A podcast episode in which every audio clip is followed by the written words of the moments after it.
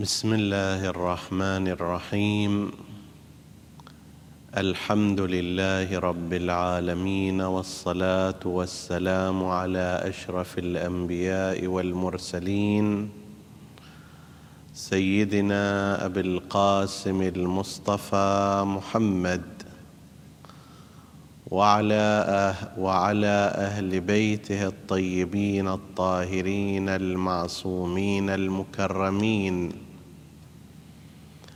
السلام عليكم أيها الإخوة المؤمنون أيتها الأخوات المؤمنات ورحمة الله وبركاته. لا يزال حديثنا في رحاب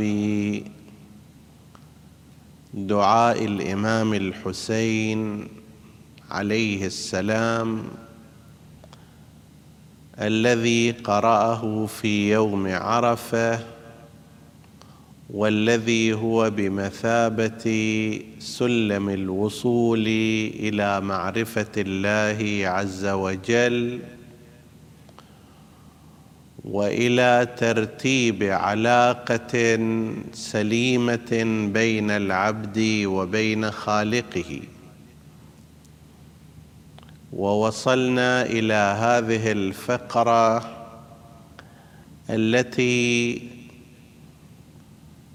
ورد فيها كما في الدعاء أن الإمام الحسين عليه السلام اندفع في المسألة واجتهد في الدعاء وقال وعيناه سالتا دموعا. اللهم اجعلني أخشاك كأني أراك وأسعدني بتقواك ولا تشقني بمعصيتك. وخر لي في قضائك وبارك لي في قدرك. حتى لا أحب تعجيل ما أخرت ولا تأخير ما عجلت. اللهم اجعل غناي في نفسي والنور في بصري واليقين في قلبي. والإخلاص في عملي والبصيرة في ديني. ومتعني بجوارحي واجعل سمعي وبصري الوارثين مني. وانصرني على من ظلمني. وأرني فيه ثأري ومأربي وأقر بذلك عيني. اللهم اكشف كربتي واستر عورتي واغفر لي خطيئتي.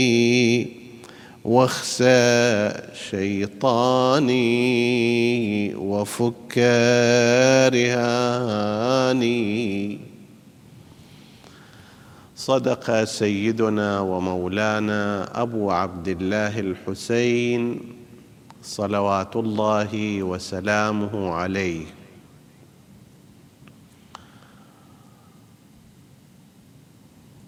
في ضمن سعي المعصوم لبلوغ أعلى الدرجات. لا ريب أنه يطلب من خالقه مطالب. الفرق بيننا نحن البشر العادي نحن البشر العاديين. وبين المعصومين في قضية الدعاء أن أمثالنا ونحن نرتكب الذنوب ونحتاج إلى غفران من الله عز وجل. نرتكب حقيقة ذنوبا صغرت أو كبرت وهذه تبقى لطخات سوداء في قلوبنا وفي ملفاتنا وفي كتابنا وفي يوم حسابنا. أما المعصوم كنبينا محمد صلى الله عليه وآله أو سائر المعصومين الثلاثة عشر كما يعتقد الإمامية فهؤلاء لم يعصوا الله عز وجل ولم يرتكبوا ذنبا. وبحث العصمة بالنسبة إلى المعصومين قد ذكر العلماء أدلتهم عليه وعلى لزومه في علم الكلام. وما لم يذكر هناك جهة أخرى وهو أنه على طول التاريخ تاريخ المعصومين لم ينقل المؤرخون والمحدثون وأرباب السير ولو بنقل كاذب ولو بنقل كاذب أن إماما من أئمتنا عليهم السلام قد ارتكبوا ذنبا. لقد نقلوا عن الخلفاء تصريحات بأنهم ارتكبوا أخطاء. بأنهم عملوا ذنوبا. وأيضا دلت الحوادث التاريخية على ذلك وإن سعى بعضهم لتوجيهها من الناحية النظرية أنه لماذا حصل هذا وعلى أي أساس حصل ذاك. وذكر عن الصحابة أيضا كذلك ولهذا لا أحد يستطيع أن يزعم بأن صحابة النبي أو أن التابعين مثلا أو أن الفقهاء من بعدهم كانوا معصومين. ولكن عصمة الأئمة عليهم السلام كانت مذكورة ومشهورة عن الشيعة منذ ذلك الوقت. ولم يستطع أحد لا في زمانهم ولا من بعدهم أن يقول إنما ينقض كلامكم أيها الإمامية في عصمة أئمتكم أن الإمام الفلاني مثلا والعياذ بالله شرب الخمر أو أن الإمام الفلاني زنى أو أن الإمام الفلاني سرق الأموال أو ما شابه ذلك.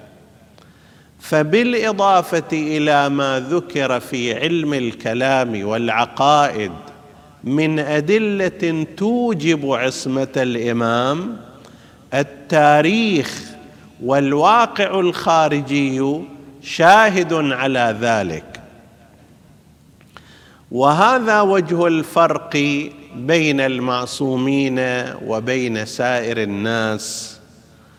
أننا عندما نستغفر الله عندما نعترف بذنوبنا عندما نتوب عندما نبكي لأجل ذلك فإنما نفعل ذلك بناء على ذنوب فعلية قد اقترفناها في أثناء حياتنا فنحن نستغفر منها.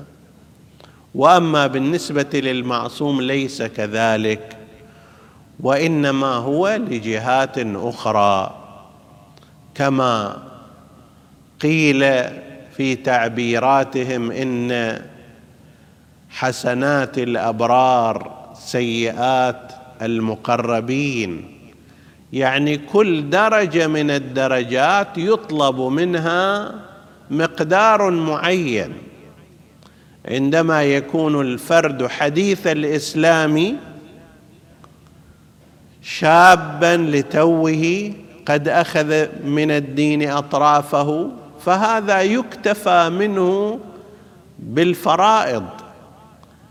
لكن مرجع التقليد مثلا لو اكتفى بالفرائض وترك المستحبات فلا يفعل مستحبا ابدا. هذا يكون أمام الناس مقصرا في حق الله. ليس في درجة سليمة. هذا مع معرفته ومع موقعه ومع استطاعته عندما يقتصر على أقل الواجبات هذا يعتبر مقصرا في جنب الله عز وجل. فكيف إذا كان هذا الشخص هو الإمام المعصوم المفروض طاعته على الناس؟ كما أن انشغال المعصوم بالأمور الدنيوية الاعتيادية الضرورية للبشر وعدم تمكنه من استفراغ كل أوقاته وحياته في جهة خدمة الله عز وجل يعتبر ذلك نوعا من التقصير. هذا بالإضافة إلى أن قسما من الأدعية فيها جهات تعليمية. فإن مثل هذا الدعاء مثلا قرأه الإمام الحسين عليه السلام في جمع من أصحابه وقومه. ومن كان معه في صحراء عرفات في ذلك اليوم المهيب. فمن الطبيعي أيضا أن يربي هذا الجمع وأن ينصح هذا الجمع وأن يعلم هذا الجمع كيف يتحدث مع خالقه. ثم اندفع يقول في المسألة وقد واجتهد في الدعاء وقال وعيناه سالتا دموعا. اللهم اجعلني أخشاك كأني أراك. وأسعدني بتقواك. نحن نعلم على مسلك الإمامية أنه لا يمكن يستحيل رؤية الله عز وجل في الدنيا والآخرة على حد سواء خلافا لما قاله أهل الحديث من مدرسة الخلفاء أن الله يرى في الآخرة اعتمادا على بعض الأحاديث التي لم تصح وكذبها المعصومون عليهم السلام. ونفاها القرآن بقوله لا تدركه الأبصار وهو يدرك الأبصار. وبقوله ولا يحيطون به علما وبقوله لن تراني إلى غير ذلك مما نقلوا. فيستحيل إذن أن يرى الإنسان ربه في الدنيا وفي الآخرة. لكن لا ريب أن الإنسان عندما يرى شخصا يراقبه يكون خشيته وخوفه من ارتكاب نواهيه أكثر مما لو كان غائبا عنه.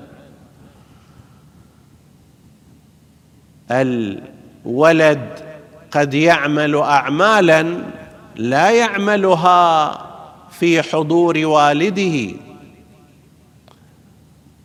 والشخص العادي يعمل اعمالا قد لا يعملها إذا علم أن هناك رقيبا عليه ملاحظا من طرف السلطة والدولة. وهذا أمر لا يحتاج إلى برهان. حيث أننا لا نستطيع أن نرى الله سبحانه وتعالى. استعمل الإمام الحسين هذا التعبير اللهم اجعلني أخشاك كأني أراك.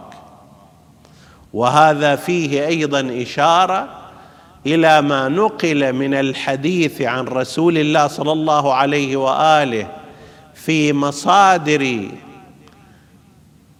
الفريقين اعبد الله كأنك تراه فإن لم تكن تراه فإنه يراك. اللهم اجعلني أخشاك والخشيه وإن قال بعض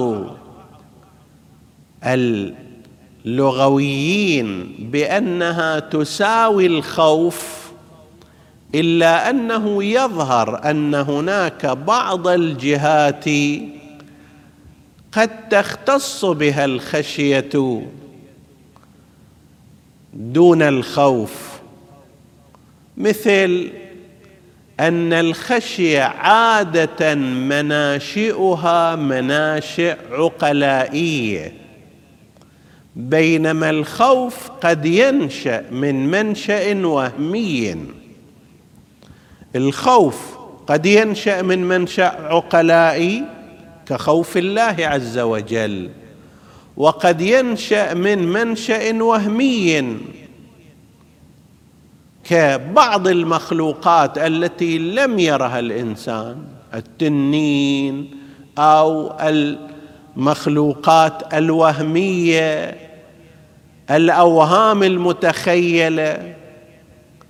بينما الخشية كأن كثيرا من موارد استعمالها تشير إلى أن مناشئها مناشئ عقلائية وأنها أيضا في الغالب تستتبع عملا. إنما يخشى الله من عباده العلماء. فإن منشأ خوفهم من الله عز وجل معرفتهم بأن الله عظيم وقادر وجبار وله عقوبات. فيتبع ذلك أن يهرعوا إلى طاعته وأن تخشع قلوبهم لذكره. وجوارحهم تنشغل في عبادته. اللهم اجعلني أخشاك كأني أراك لو خشي الإنسان ربه وعرف مقام ربه لنهى النفس عن الهوى عندما يختلي الإنسان بنفسه وينظر إلى غير ما أحل الله عز وجل. عندما ينفرد الإنسان بنفسه ويسطو على مال حرام عندما ينفرد بنفسه ويمارس عملا محرما هنا ينفع كأني أراك. الله سبحانه وتعالى يرانا في كل أحوالنا وهو الناظر والحاضر والمحيط علما بكل خلقه. فلو تأمل الإنسان في أنه في أن ربه أمامه كأنه يراه هل كان يقدم على تلك المعصية؟ اللهم اجعلني أخشاك كأني أراك وأسعدني بتقواك ولا تشقني بمعصيتك. بعض الناس يتصورون أن سعادتهم وراحتهم ولذتهم في معصية الله عز وجل. لديه مصدر رزق حلال فيبحث عن بيع المخدرات وعن بيع الخمور وعن الربا وعن الغش وما شابه ذلك ويتصور أنه يستمتع بذلك ويسعد بذلك. أنت واهم أنت تشقي نفسك. تشقي نفسك في الآخرة بل في الدنيا. فإن هذا المال ممحوق البركة. الذي يذهب وراء هذا تمحق بركته. يعيش في حياته حالة الخوف والقلق والرعب. هل رأيتم تاجر مخدرات إلى آخر عمره يضع رجلا على رجل وهو مسترخي الأعصاب وهو هادئ النفس وهو غير قلق الضمير. كلا هو في حالة خوف دائم هو في حالة رعب دائم. يخشى من السلطة الرسمية يخشى من العصابات الأخرى يخشى من المنافسين. دائما هو في حالة توتر وتوفز وترقب للمواجهة. أي حياة هذه يعيشها؟ ذلك الشخص البعيد الذي يترك زوجته وما أحل الله له من متعة محللة هي عبادة. وهي متعة جسد وهي لذة روح. يترك ذلك لكي يتخفى ويركض من هنا ويركض من هناك من أجل أن يقتنص لذة محرمة وهو في حالة خوف دائم أن لا يكتشف من قبل أهله وعياله وأبناء مجتمعه ومن يهمه شخصيته فيمارس المتعة الحرام. ويكتسب بها في يوم القيامة الآثام وهو إلى ذلك في حالة قلق في حالة تأنيب ضمير إن لم يمت ضميره تماما. سعادتك وسعادتي ليست في معصيتنا راحتنا ليست في مخالفتنا لله عز وجل. السعادة الحقيقية هي عندما يطيع الإنسان ربه. عندما يأتي إليه الرزق الحلال الهانئ يأكله هنيئا مريئا. لا يعقبه قلق ولا يعقبه خوف ولا إثم ويستطيع أن يتظاهر بين الخلائق كلها بذلك. وهو مفتخر في طاعة الله. انظروا إلى الزواج.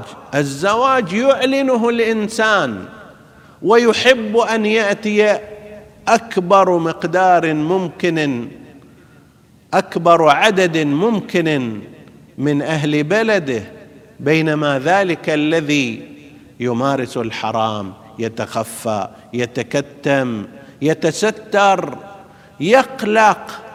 لماذا يذهب الإنسان وراء هذا؟ وأسعدني بتقواك. التقوى مصدر السعادة للإنسان. استراحة الإنسان إلى معرفة أنه مرضي من الله عز وجل. أن خالق الخلق ومالك الملك ناظر إليه وشاكر لعمله. الله وفقه للتقوى وكتب له الأجر وأعطاه الهدوء والاستقرار في هذه الدنيا وفوق ذلك شكره. كما مر علينا في الدعاء وإن أطعتك شكرتني وإن شكرتك زدتني. ولا تشقني بمعصيتك. شقاء. ما بعده شقاء. ماذا ينفع الإنسان أيها الأخ المؤمن أيتها الأخت المؤمنة؟ ما الذي ينفع الإنسان إذا اقتنص لذة محرمة في نصف ساعة وأعقبته هذه مليارات السنوات من العذاب بين أطباق النار فهو ضجيع لهب وقرين شيطان. ولا تشقني بمعصيتك يا رب وخر لي في قضائك وبارك لي في قدرك حتى لا أحب تعجيل ما أخرت ولا تأخير ما عجلت يا رب. أنا لا أستطيع أن أختار أقداري ولا أستطيع أن أنتخب الأقضية الجارية علي. غدا هل سأكون مرزوقا أو سأكون محروما؟ لا أعلم. فضلا عن أن بإمكاني أن أختار. أنا لا أعلم ما الذي سيجري علي. هل سيجري علي الصحة أو سيجري علي المرض؟ هل سأكون ضمن المرحومين أو ضمن المحرومين؟ هل سأكون ضمن المرزوقين أو ضمن الخائبين؟ لا أعلم بذلك ويكذب من يقول أنه يعلم بذلك. هو لا يدري عن مصيره بعد ساعة من الزمان هل هو على قيد الحياة أو لا؟ فكيف يستطيع أن يختار قدره ومصيره وهو لا يعلم بذلك؟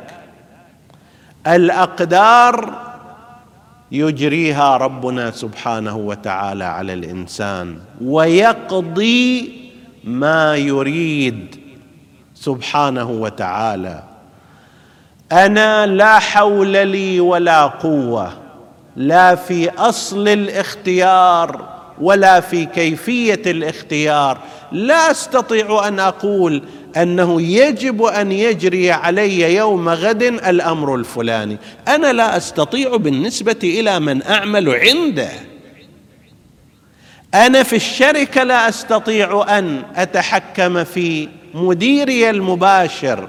قد يأتي غدا ويقرر علي قرارا يضرني وقد يكافئني ففي هذه الأمور البسيطة أنا لا أستطيع.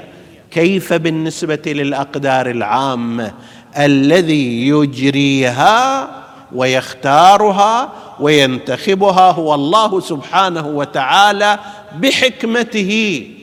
أنا المقدار الذي أستطيع أن أصنعه هو أن أدعو الله سبحانه وتعالى أن يختار لي من الأقدار ما فيه صلاح نفسي وما فيه راحة وجودي وما فيه حسن مصيري. لذلك أقول وخر لي في قضائك وبارك لي في قدرك انت اختر يا رب عندما تقرر القضاء الجاري علي أخيرا. القضاء هو الأمر النهائي. اختر لي يا رب انتخب لي يا رب. ذلك القضاء الحسن ذلك القضاء الجيد. وبارك لي في قدرك. خل أقداري مباركة وأنت تختار الأفضل منها. النتيجة ما هي؟ لأجل ذلك إذا انتخبت لي هذه الأقدار والأقضية الحسنة الا أحب تعجيل ما أخرت يا رب. أنت في هذا الوقت أخرت علي نعمة الزواج بالنسبة إلى الفتاة أو الشاب. يا رب اجعل هذا باختيار حسن وخليني أنا أكون راضي به ومحب له. لا أقول يا رب يا ريت كان زواجي قبل هذا. يا ريت كان يا ليت كان إنجابي قبل هذا. يا ليت كان لي من الأولاد كذا. يا ليت كان لي من الأموال كذا. يا ليت كان لي من الجاه والمنصب كذا وكذا. لماذا؟ لأنني لا أعلم بالواقع. أنا أعلم أنك أنت الذي تعرف عواقب الأمور.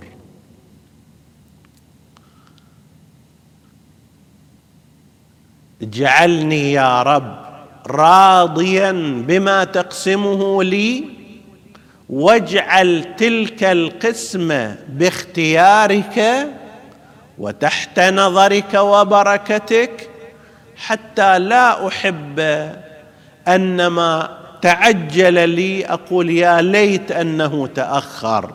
بلاء تعجل. أقول الآن جاءني هذا البلاء جاءني هذا المرض. يا ليت أنه لم يأتني أو تأخر. ماذا يدريك؟ لو جاءك وأنت كبير السن لم تستطع أن تقاوم هذا المرض كما تقاومه الآن. لو جاءك بعد كذا من السنوات لم يكن لديك القدرة المالية لتلبية احتياجات هذا المرض. وهكذا بالنسبة إلى سائر الأمور. حتى لا أحب تعجيل ما أخرت ولا تأخير ما عجلت. هذه حالة حالة التسليم أيها الإخوة. أيتها الأخوات حالة التسليم إلى الله عز وجل لو تملكها الإنسان فقد ملك كنزا عظيما. نحن الآن نركب في الطائرة نركب في القطار نركب في السيارة مع أحد. إذا كان كابتن الطائرة حاذقا وخبيرا ننام مرتاحين على ذلك المقعد. ولا نفكر في المسار ولا المسير ولا لماذا لم يسرع ولا لماذا لم يبطئ ولا لماذا أخذ هذا الاتجاه أو ذلك الاتجاه. لماذا؟ لثقتنا بقائد الطائرة. سلمنا الأمر في هذه الجهة إليه. لم نقترح عليه ولم نعترض عليه ولم نراقب ولم نخطط بدلا منه. وهكذا الحال لو ركبنا في سيارة وكان قائد السيارة حاذقا. نحن نسلم أمور حياتنا لمثل ذلك قائد الطائرة وقائد السيارة. ولا نسلم أمور حياتنا لقائد الكون وخالق الكون العليم بما يصلحنا وبما يضرنا. فنقترح على الله لماذا صار كذا ولماذا لم يصر كذا. لماذا مالنا بهذا المقدار ورزقنا بهذا المقدار وصحتنا بهذا المقدار ولماذا لم يحدث ذلك الأمر؟ ولماذا لم تكن الأمور بهذا الشكل؟ الدرجة العالية للمؤمن حتى لا أحب تعجيل ما أخرت ولا تأخير ما عجلت إلى أن يقول اللهم اجعل غناي في نفسي واليقين في قلبي يأتي الحديث عنه إن شاء الله تعالى. نسأل الله أن يجعلنا من المسلمين لأمره وأن يبارك في قضاءاته لنا واختياراته لمصائرنا. إنه على كل شيء قدير. وصلى الله على سيدنا محمد وآله الطاهرين.